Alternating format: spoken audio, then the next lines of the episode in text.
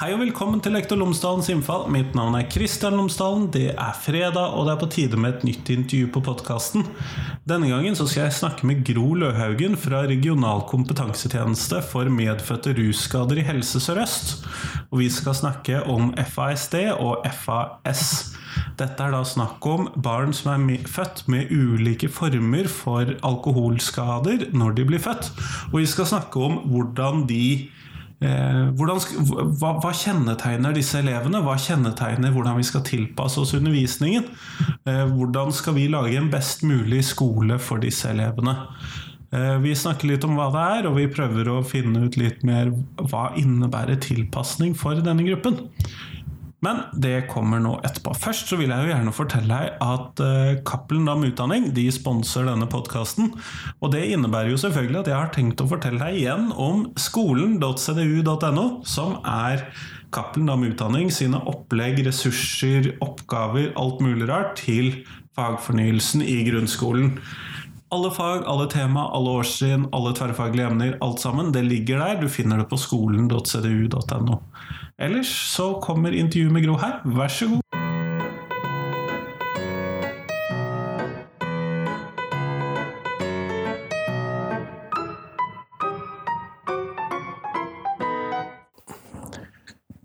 Gro Løhaugen, tusen takk for at du har tatt deg tid til meg i dag. Veldig hyggelig og flott å være med. Før vi starter selve samtalen, så hadde det vært veldig fint hvis du kunne fortelle lytterne mine tre ting om deg selv, sånn at de kan få bli litt bedre kjent med deg. Ja, det må være at jeg er klinisk nevropsykolog og engasjert og utålmodig. Ja, men Så fint. Utålmodighet er bra når vi først skal få i gang noe sånt som dette her. Men i dag så skal vi snakke om eh, det som heter FAST. Eh, og da lurer jeg jo selvfølgelig litt på hva er det? Først. Ja, FASD. Eh, det står for Fetal Alcohol Spectrum Disorder. Og på norsk så blir det fetalt alkoholspektrum vanske. FASD. Det er en paraplybetegnelse som inneholder én diagnose som uh, mange vil kjenne, som heter fetalt alkoholsyndrom. Og den har det vi kaller et diagnosenummer i vår diagnosemanual her i Norge, som heter Q86.0. Men FASD-begrepet dekker også en del kliniske beskrivelser Um, altså hvordan sier noe om et vanskebilde som kan ha sammenheng med at barnet er eksponert for alkohol i svangerskapet. Men når du ikke har det fulle føtale alkoholsyndromet, så betyr det også at vi ikke finner noen sikre tegn på en medfødt alkoholskade. Men allikevel i noen tilfeller så kan det å forstå det ut ifra FASD være nyttig med tanke på tilrettelegging og tiltak. Sånn at dette er, da, er det da snakk om en utviklingsforstyrrelse i løpet av svangerskapet, eller hva, hva er det av dette? Ja, det er gode. Ja, hva er det? det er, hvis du tenker på fetalt alkoholsyndrom, så betyr det at legen finner at barnet er vekstretardert, altså veldig lite. Eh, I tillegg så leter legen etter noen bestemte ansiktstrekk. Fordi at når vi snakker om et syndrom, så betyr jo det en samling av symptomer, inkludert et spesielt utseende. Og Når det gjelder det spesielle utseendet som er knytta til totalt alkoholsyndrom, så er det veldig vanskelig for oss som ikke er leger eh, å vurdere. Og Det må gjøres eh, av noen som er eksperter på det vi kaller dysmorfologi, altså dette med ansiktstrekk. Det syndromet de fleste av oss kjenner best, er kanskje Downs syndrom. Når vi tenker på det, så tenker vi jo på personer som har en del utfordringer læremessig. De kan ha hjertefeil. Og så tenker vi på et bestemt eh, utseende. Og Det er litt på samme måte med fortalt alkoholsyndrom. Det er et spesielt utseende, og så er det en samling med symptomer som ofte går igjen hos den gruppa. Så det er forskjellen på f.eks. For Downs syndrom og fortalt alkoholsyndrom. Det er jo at når du har andre syndromtilstander, så kan du ta en genprøve og så kan du lete etter en bestemt kromosomfeil. Og Sånn fungerer det ikke med FAS. Da er det ikke noe kromosomfeil, eh, men rett og slett en samling av symptomer og et bestemt utseende. Nettopp, nettopp. Sånn at de barna som da har enten fast eller ulike sånn, av disse symptomene, så eh, handler det om at eh, det har vært for mye alkohol på feil tid i løpet av eh, graviditeten, da. Som da som sitter igjen som noen følger. Det kan være det, men det er det som er vanskelig å fastslå så lenge man ikke har det fulle fetale alkoholsyndromet. Det vi vet, det er at enhver mengde alkohol i et svangerskap det utgjør en risiko. Og det er ganske mange som ikke er klar over at alkohol regnes for å være mer risikabelt å utsette et foster for enn andre ulovlige rusmidler. Og det er jo rart, fordi at alkohol er jo et lovlig rusmiddel. Eh, det er helt umulig å vite hva som er en sikker nedre grense for å drikke alkohol når man er gravid. og Derfor har Helsedirektoratet anbefalt at i Norge er det lurt å slutte å drikke alkohol når du planlegger og begynner å prøve å bli gravid for å være på den sikre sida. Men så er det jo ikke alle som vet at vi er gravide på dag én. Det kan jo gå litt tid, og i mellomtida så drikker de fleste av oss litt alkohol. Og da er det viktig å huske at det er ikke sånn at eh, alle barn som er utsatt for alkohol, får en skade eller en vanske som følge av det. De aller fleste går det helt fint med. Men det, det er mye som tyder på at noen fostre kan være mer sårbare enn andre. Så Det er forklaringa legene har på hvorfor det er sånn at det er vanskelig å fastslå um, at det er trygt med ett glass eller ti glass eller fem fester f.eks. At det ikke går an. Ja, nei, Det er det vel antagelig mange gravide som skulle ønske at det var mulig å gi et sånn klart svar på. ja, det skulle jeg òg. Det hadde vært veldig praktisk.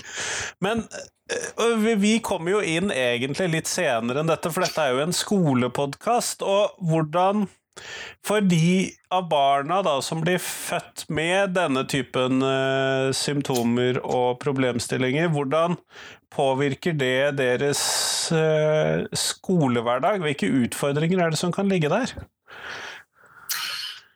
Ja, det, er, som, det ligger litt i ordet. ikke sant? Fortalt alkoholspektrum vanske. Det betyr at det er en stor variasjon. Så her har vi barn som har det fulle syndromet, og kanskje det vi kan kalle store lærevansker. Vi vet f.eks. at blant barn med FAS så er det 35% som har psykisk utviklingshemning. Ehm, I den vanlige populasjonen i Norge så er det bare 2% Hvis du tar liksom alle i Norge, så er det 2% som har psykisk utviklingshemning i en eller annen grad. Hvis du sammenligner de barna som har vært utsatt for alkohol, med den gruppa som har vært utsatt for ulovlige rusmidler, så er det altså 35% av de med, med FAS med psykisk utviklingshemning, og det er bare 2% av de som har vært utsatt for ulovlige rusmidler. Så Det viser jo veldig tydelig at hjernen vår er ganske mye mer sårbar for alkohol enn den er for andre stoffer. Men det betyr også at de aller fleste barn med FASD de har helt normalt evnenivå. Ehm, sånn at de fleste er akkurat som oss andre i forhold til evnen til å forstå. Men det som vi syns kjennetegner disse barna, det er Eh, at de har utfordringer på to områder innen læring. Først og fremst har de utfordringer med språket, med å forstå. De snakker godt for seg, men de kan ha problemer med å oppfatte og forstå det som blir formidla muntlig. Og det andre området det er det vi kaller oppmerksomhet og eksekutive funksjoner. Oppmerksomhet det vet gjerne de fleste hva er for noe, for det handler jo om evnen til å fokusere på noe og stenge ute uviktige ting. Eh, det handler om å holde ut over tid, selv om det kanskje er en oppgave du ikke syns er så morsomt, sånn som f.eks. med skolearbeid.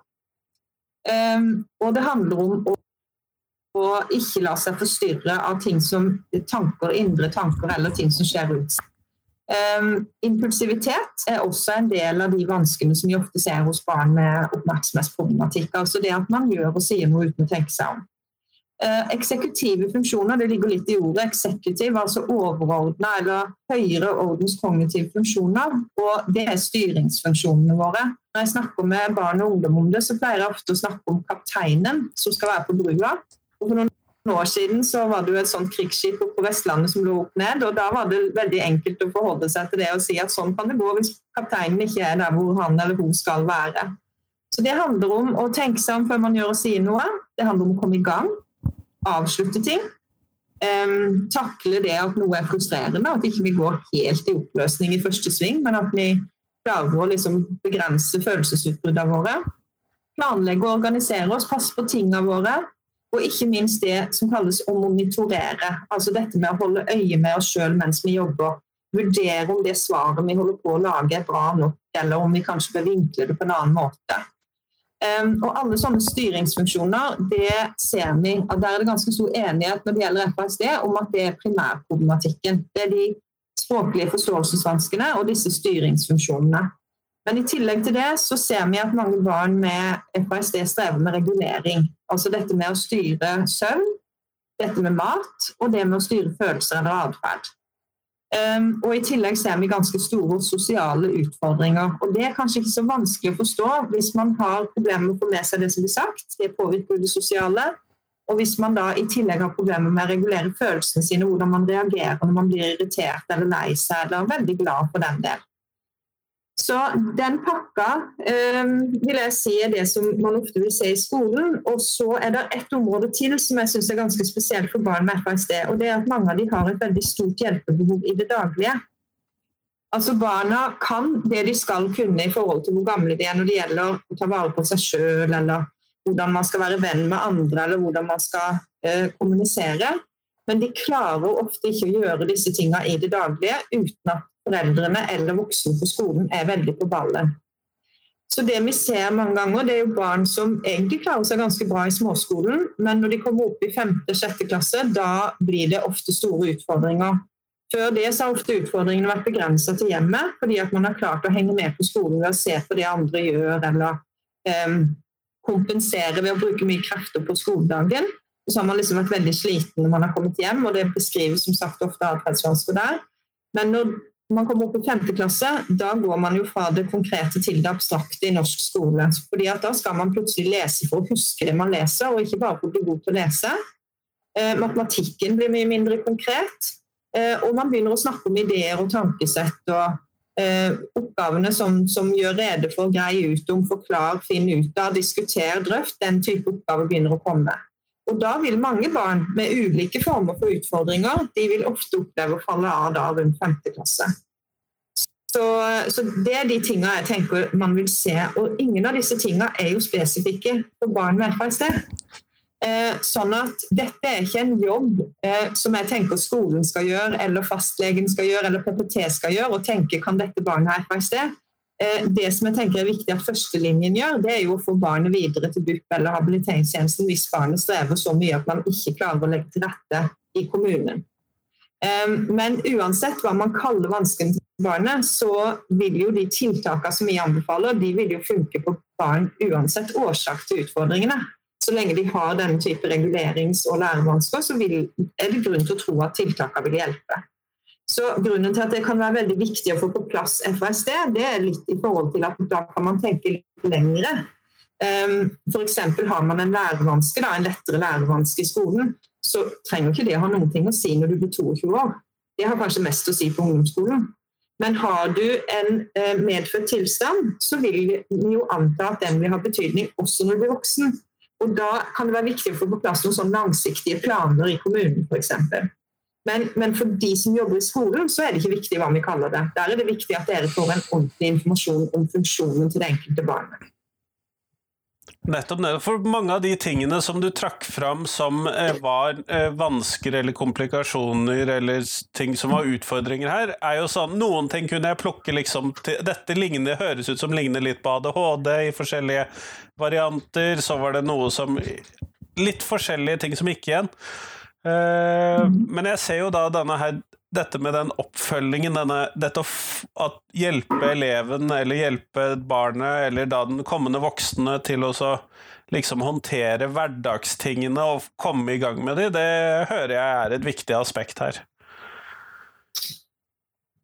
Uh, men hvilke sånne, hvis du skulle gi noen sånne råd om hva slags type hjelpetiltak som du gjerne ser at uh, skolene kan bidra med, eller som du kunne tenke deg at de bidro med, uh, hva vil du trekke fram da, hvis vi da skulle anta at skolen ikke visste det? Ja, hvis vi skal snakke om først uh, fordi at som jeg sa til deg, disse lærevanskene og disse styringsproblemene og oppmerksomhetsvanskene de kan ligne på det man ser hos andre, altså hos mange barn med ulike diagnoser. Og felles for alle de diagnosene er at vi kaller det nevroutviklingsforstyrrelser. Man tenker seg at det påvirker hvordan hjernen fungerer, og det kan ta tusen ulike årsaker. Eh, så det kan jeg godt snakke mye om, men først så kan jeg si den ene tingen som jeg syns er spesielt for de barna, hvis man vet at det barnet man jobber med, har FSD, så handler det om å gå inn og gi tilstrekkelig hjelp praktisk. Og der, helt fra barnehagen av, så er man, de som jobber i barnehage og skole, de er opptatt av at barn må lære. de må lære å gjøre seg erfaringer. Det er et problem hvis du har en umodenhet i systemet ditt. Da blir det litt som å si at vi skal lære han ettåringen å gå på do istedenfor å bruke bleie. Altså Det går faktisk ikke, fordi at organismen er ikke klar enda for å styre de tingene. Så jeg tror det er veldig veldig viktig hvis man jobber med barn som strever, selv om man kanskje ikke vet årsaken, men i hvert fall hvis man vet at det er FSD, at man som voksen forholder seg til at barnet er umodent. Og barn med FSD, der ser vi ofte at de har en modenhet i forhold til hvor selvstendige de er i det daglige, som tilsvarer ca. halv fart. Så det betyr at hvis du har en eh, la oss si en tolvåring som går i sjette klasse, så har du kanskje på Når det gjelder sånn praktiske ting, så nå snakker vi ikke om intelligens, for denne kan være helt normal. Men vi snakker om det å få opp boka, huske jakka, få med seg gymtøyet, få knept smekken når man har vært på do, tørke vekk snørra. Altså, da snakker man plutselig om en seksåring som går i sjette klasse. Og Det er kanskje det viktigste vi formidler når vi avdekker den voldsomme splitten mellom hvor smart man er og hvor hjelpetrengende man allikevel måtte være. At vi får formidla det til skolen, for da vil det ikke fungere og da ungen går på en smell. Da vil det ikke hjelpe at de ikke reiser hjem uten boka så de ikke får gjort lekser, eller at de glemmer gymtøy så de ikke får lov til å ha gym. Altså, det vil ikke skape noe positiv læring. Så for de barna som faktisk er umodne, så tror jeg det er lurere at man tenker at ok, hvis jeg tar en førsteklassing og plasserer den førsteklassingen inn i sjette klasse, hva skal til for at en førsteklassing skal funke i sjette klasse? Og Da er det mange sånne ting som at du får hjelp til å holde styr på bøkene dine, finne fram i boka, eh, få hjelp til å bli fortalt hvilken strategi du skal bruke for å kunne svare på disse spørsmålene. Altså At de voksne er veldig tett på og gir tilstrekkelig hjelp, sånn at barnet får mestringsopplevelser. Så den biten er spesiell hos barn med FASD, opplever jeg. Men det er også ganske uh, opplest og vedtatt at barn som har en ren vanlig ADHD, i den grad det finnes en vanlig ADHD, de har en umodenhet, de også, som tilsvarer ca. en tredjedel av alderen. Så, så, så, da må man hele tida legge til rette for det. Altså Har man på en måte en, en niåring, da, så, så, må man trekke av 30 av den alderen når man skal være lærer eh, og forklare ting og legge til rette sånn at barnet kan få brukt evnene sine. Eh, den umodenheten hos barn med ADHD den varer jo ikke evig. Altså, De tar igjen, men det er helt klart en forsinkelse. Og det tror man handler om at disse funksjonene, styringsfunksjonene som sitter i fremre del av hjernen, at kapteinfunksjonene at de er umodne, at det er en del av ADHD-problematikken. Den gode nyheten hvis du har en nevrokognitiv utviklingsforstyrrelse, eh, sånn som ADHD eller FASD eller andre, det er jo at den delen av hjernen som Eh, hvor du har funksjoner du sliter mest med, er ikke ferdig utvikla før du er ca. 30 år. Så her handler det veldig mye om å senke skuldrene og gi tid til modning. Og gi nok positive mestringsopplevelser til at barnet orker. For det vi vet, er at hvis man sliter med ulike funksjoner i hjernen sin, så husker man forferdelig mye bedre det man ikke får til, enn det man får til. Og Det er grunnen til at vi har veldig tro på å tenke det vi kaller feilfri læring. Altså at man ikke stiller krav til barnet som man ikke vet at de kan klare. Jeg tror det gir positive opplevelser som gir mer motivasjon på læring. Eh, det jeg syns var veldig interessant, som du sa, eller det var mye som var interessant der, men en ting som jeg hang meg litt opp i, det var jo det du sa om at eh, dette kanskje normalt Eller dette er kanskje ikke noe som henger sammen med intelligensen, altså at det er ikke snakk om at de har et mindre intelligensnivå, eller at de er mindre sånn i stand til den typen ting, men at det er den der modningen som det henger igjen på. Jeg vil jo tro at enkelte ganger, hvis man ser at eleven har faglig utbytte av opplæringen, eller at de henger med faglig sett, selv om de ikke henger med modningsmessig sett, at man kanskje tenker at eh, dette er bare latskap eller umulig unge, eller den typen ting, og det gjør det kanskje vanskeligere å oppdage at det ligger en nevroutviklingsforstyrrelse her. Ja, det tror jeg du kan ha rett i. Og, så er det som sagt veldig holdningen, opplever jeg, da, i skoler og barnehager. At, man, at man, de må få prøve seg, de må få gjøre erfaringer. Så det, dette er jo en ikke-naturlig måte for pedagogisk personale å tenke på. Så Det blir jo vår jobb som da kommer fra et annet felt, og som kan avdekke disse vanskene som er helt umulig å oppdage med mindre man går inn og undersøker hva som er bakgrunnen for funksjonssvikten. Så det blir jo vår jobb å få formidla dette til skoler og PPT på en sånn måte at det er nyttig informasjon. da. om hvordan man kan gå inn og hjelpe det enkelte barnet. Eh, og Der blir jo det å få gjort en ordentlig utredning det blir viktig. Eh, det å få undersøkt evnenivå, det å undersøke skrivefunksjon, innlæringsmetoder som funker. Er det best auditivt eller visuelt? Er det best praktisk? Eh, oppmerksomhet, konsentrasjon, arbeidsminne, språklig funksjon, ikke minst.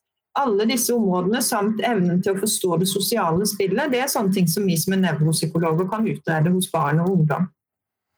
Nettopp, nettopp. Men det høres jo ut på de eh, utfordringene som du har beskrevet her, som at det å få assistent, assistentressurs inn i klasserommet kanskje nettopp er noe av det som ville kunne bidra mye for å gjøre skolehverdagen lettere og gjøre skolen til et mer positivt sted, da, hvis jeg bare skulle prøve ut, tolke ut ifra hva du sa. Ja, Det kommer litt an på kompleksiteten. for I noen tilfeller så trenger man jo vernepleiere, f.eks.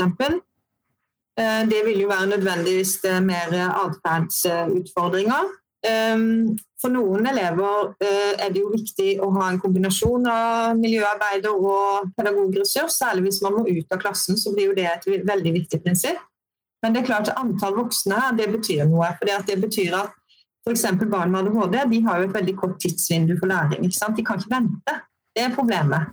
Og det betyr jo at Hvis det da er 15 hender i været i mattetimen, så blir det veldig vanskelig. Eh, selv om barnet prøver så godt de kan å sitte stille og være rolig, så vil det faktisk være helt umulig for veldig mange barn med denne type vansker. Og Da er det antall hender som er til stede, voksne, i rommet som vil hjelpe. Nettopp, nettopp. Er det noen sånne andre tilretteleggingspunkter som du ville særlig trekke fram for denne gruppen?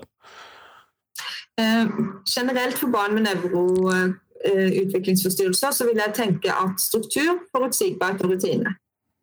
Det er hovedprinsippene. Så innfallsmetoden fungerer nok særdeles dårlig. Man, eh, her, her, er det viktig med god klasseledelse. Eh, jeg pleier å si at veldig mange av de ulike diagnosegruppene jeg jobber med, de ville hatt det best på min barneskole. Eh, jeg satt på samme pult i seks år. Jeg hadde én lærer i absolutt alle timer. og Timeplanen kom 19.8, og den var mye sikrere enn Anne i kirka. Uh, og den endra seg aldri. Det var ikke noe Riksteater eller filmkvelder eller lagdager. Det var vanlig god gammeldags samleundervisning, og gruppearbeid var noe felighet, som de sier på Sørlandet. Så den, den, skolen er nedlagt, og det tror jeg kanskje kan være bra for mange. Men for en del barn som har sånne utfordringer med styringen sin, så er det godt når ting blir styrt. Og Det viser jo også kunnskapsoppsummeringer når det gjelder barn som har store lærevansker, altså store generelle lærevansker eller lett psykisk utviklingshemning der er det jo også vektlagt at det skal være voksenstyrt undervisning. Altså Da er det ikke finn ut av eller gjør rede for. Da er det spørsmål å svare på de. Så det, det veld, jeg tror veldig mye handler om at barnet vet hva som skal skje, i hvilken rekkefølge. Det er strukturen. Rutinene det betyr at vi gjør de tingene vi gjør fast, de gjør vi på samme måte hver gang. Hjemme så vil det bety at det er alltid sånn vi legger ritualet vårt. Vi legger oss på denne måten. Det er sånn vi gjør det om kvelden. Men det vil også gjelde for norsktimer. I norsktimen så er det hos oss var det høytlesning, og slik skriver vi. Og så var det løpo, og så var det gjennomgang av leselekser. At hver eh, økt er godt bygd opp. Um, I forhold til moderne skole så er det jo f.eks. veldig populært med stasjonsundervisning. Noe som fungerer veldig veldig godt for de gruppene som jeg jobber med. Um, og Det går jo på at det er relativt, det er veldig konkret. Det er kort tid på hver stasjon. Når man først har vært gjennom den utfordringa det er å lære seg den måten å jobbe på, det, da kan det være litt kaos. Men når først det er etablert, så ser jeg at veldig mange av de elevene er borte. De trives godt med stasjonsundervisning, og de fungerer veldig godt i den settingen. En struktur, forutsigbarhet og rutiner. Og så er det ikke noe tvil om, tror jeg, og det går jo litt imot hvordan man kanskje tenker i PPT og generelt i skolen. Men barn som har store oppmerksomhetsvansker, de blir mer slitne enn andre, og de har mindre strøm på batteriet. Og det betyr at de trenger skjerming. Eh, og det betyr ut av klassen. Og det er jo som sagt omdiskutert. Eh, men det å legge inn økter eh, som er timeplanfesta når barnet skal ut av klassen, jobbe i liten gruppe eller alene med en voksen for å på en måte få ting ordentlig forklart, eller få forklart at de faktisk har fått ting med seg, eller rett og slett bare få slappe av litt, sånn at de får en break som gjør at de er mer i stand til å bruke krefter etterpå. Det tror jeg er veldig viktig. Men hvis man skal bruke den type strategi, så må det være planlagt.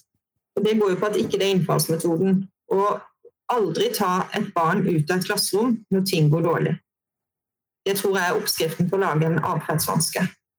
Så man må bruke det man vet om barnets funksjon av erfaring og fra utredning, til å legge en plan for de øktene man skal være inne og ute av klasserommet. Sånn at det ikke blir sånn at barnet blir urolig eller sint eller fortvilt eller redd, da går man ut.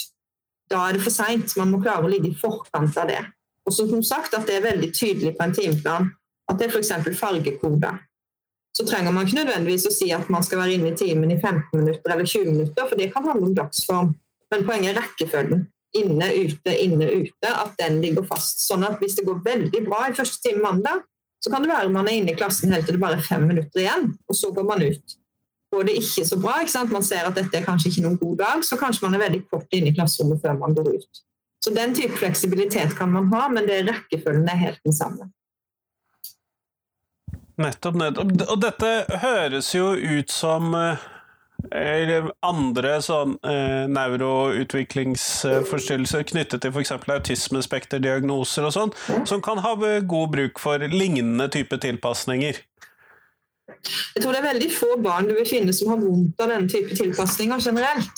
Eh, men det er klart at det, det, Man kan ikke gjøre dette for alle, men jeg er enig med deg. Altså Barn som har det vi kaller sånne bokstaver foran knytta til funksjonen sin, Eh, som involverer den kapteinen, og det gjør det. Autisme involverer den. Store atferdsforstyrrelser, da er det grunn til å tenke at den er involvert. ADHD definitivt. Mer generelle lærevansker, absolutt. Ikke-språklige lærevansker, absolutt. Um, altså det er mange av disse gruppene med barn som PPT og skoler uh, prøver å legge til rette for, som vil ha nytte av denne type tiltak. Det gjør jo også at man kan bruke mange av de i en full klasse uten at det går utover kvaliteten på undervisningen eller hvordan barnet lærer. Men det høres jo ut, sånn som jeg eh, Av det du forteller, så høres det ut som den skolen vi nå får med fagfornyelsen, og nå etter hvert har fått med ulike sånne moderniseringer, du trakk jo selv fram den moderne skolen, at det vil gjøre det kanskje vanskeligere for disse elevene med FASD, da? Fordi at det er mer Eh, mer drøfting, mer refleksjon, kanskje mer abstrakte enheter. Eh, kanskje lengre økter over tid. Eh, nettopp alle disse tingene. Og så selvfølgelig lærere som bare underviser i noen få fag hver. Det, eh, så høres ut som det er, i hvert fall for denne gruppen kanskje kan være en negativ utvikling av norsk skole. Og så kan man jo håpe at man får reparert på andre områder igjen, men på den generelle skolehverdagen. Ja, Hvis det er den veien man går, så er jeg jo helt enig med deg at det vil være uheldig for alle de gruppene vi snakker om her, også de med FSD. Så, så vil det trolig by på mer utfordringer, ja. Det tror jeg. Men det er klart man kan kompensere for det, men da vil det jo bli mer eh, krevende, ressurskrevende. fordi at da må man ha en oversetter, da, en tolk i alle norsktimer eller natur- og miljøtimer fordi at det er så mye sånn gjør rede for eller gruppearbeid hvor man må ha hjelp til å finne sin rolle, sin type oppgave. Um, så jeg ser absolutt de utfordringene hvis det er dit man er på vei. Nettopp. Jeg ville tro at uh, hjem-skole-samarbeidet blir desto viktigere når det er denne type utfordringer? Absolutt. Uh, og der er det jo mange utfordringer der også. fordi at uh, uh, veldig ofte så ser man et annet bilde hjemme enn man gjør på skolen. barnet, det, det, er det vanlige vi ser. Foreldrene forteller om veldig krevende ettermiddager og helger og ferier. Og slitne barn som ofte blir veldig sinte. Det kan være utagering hjemme. Og skolen ser et barn som har det kjempebra. Men som sagt, i femte klasse så pleier alle å være enige om hva man ser. Hvis ikke man har gått inn med tiltak før det, så pleier det da å bli veldig vanskelig også på skolen. Eh, så min, mitt viktigste budskap er jo at eh, man skal lytte til foreldrene. For eh, barn som er godt oppdratt og de har god omsorg, de tar ut ting hjemme først. For der er de tryggest, og der det, blir de ivaretatt. Og så tar de seg sammen så godt de kan ute. Det er jo sånn vi oppdrar våre barn. Vi, altså, skal du først være utidig, så er det bedre du er hjemme enn ute.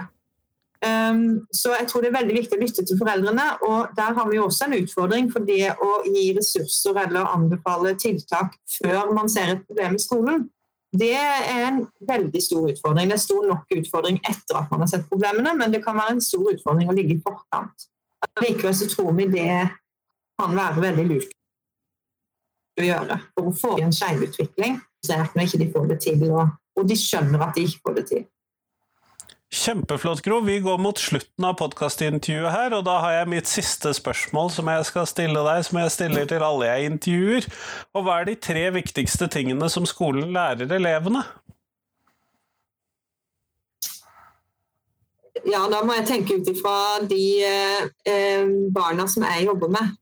Og da tenker jeg at for de barna jeg jobber med, så er det viktigste skolen lærer de, det er det faglige. Det blir litt annet, for jeg vet at dere skal levere fra dere et uh, dugende menneske når de er 16 år, men det er ikke sikkert den 16-åringen er helt 16 år. Og Da blir det dere kan gi med av faglig kunnskap som gjør at de har sjanse til å klare seg på videregående skole, det blir det aller, aller viktigste, vil jeg si.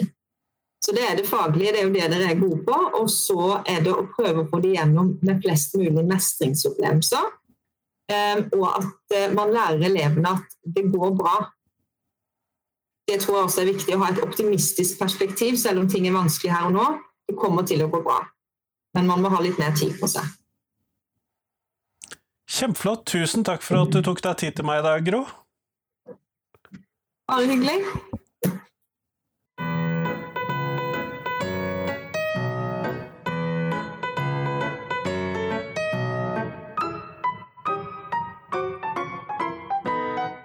Tusen takk til Gro, og tusen takk til deg som hørte på. Nå håper jeg at du som meg har blitt litt klokere, og så satser vi på at det holder lenge. Nå er det fram til eh, tirsdag så kommer det et eh, nytt intervju på podkasten. Da skal vi snakke om seksårsreformen. Og det vet jeg at mange av dere er interessert i, men vi skal rett og slett snakke om evalueringen av seksårsreformen. Sånn at det kommer da på tirsdag som kommer. Ellers eh, du får ha en fin helg. Jeg håper du klarer å slappe av. Jeg håper at skolestart ikke har vært for hardt for verken deg eller dine. Og så se etter om du finner noe interessant fra sommerens podkaster, hvis ikke du har hørt alle sammen ennå. Hei, hei!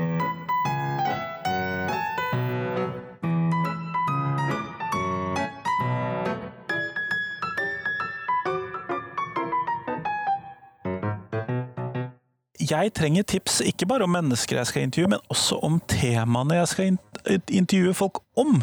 Så send meg gjerne tips til et tema. Da trenger du ikke nødvendigvis ha tenkt ut hvem jeg bør intervjue.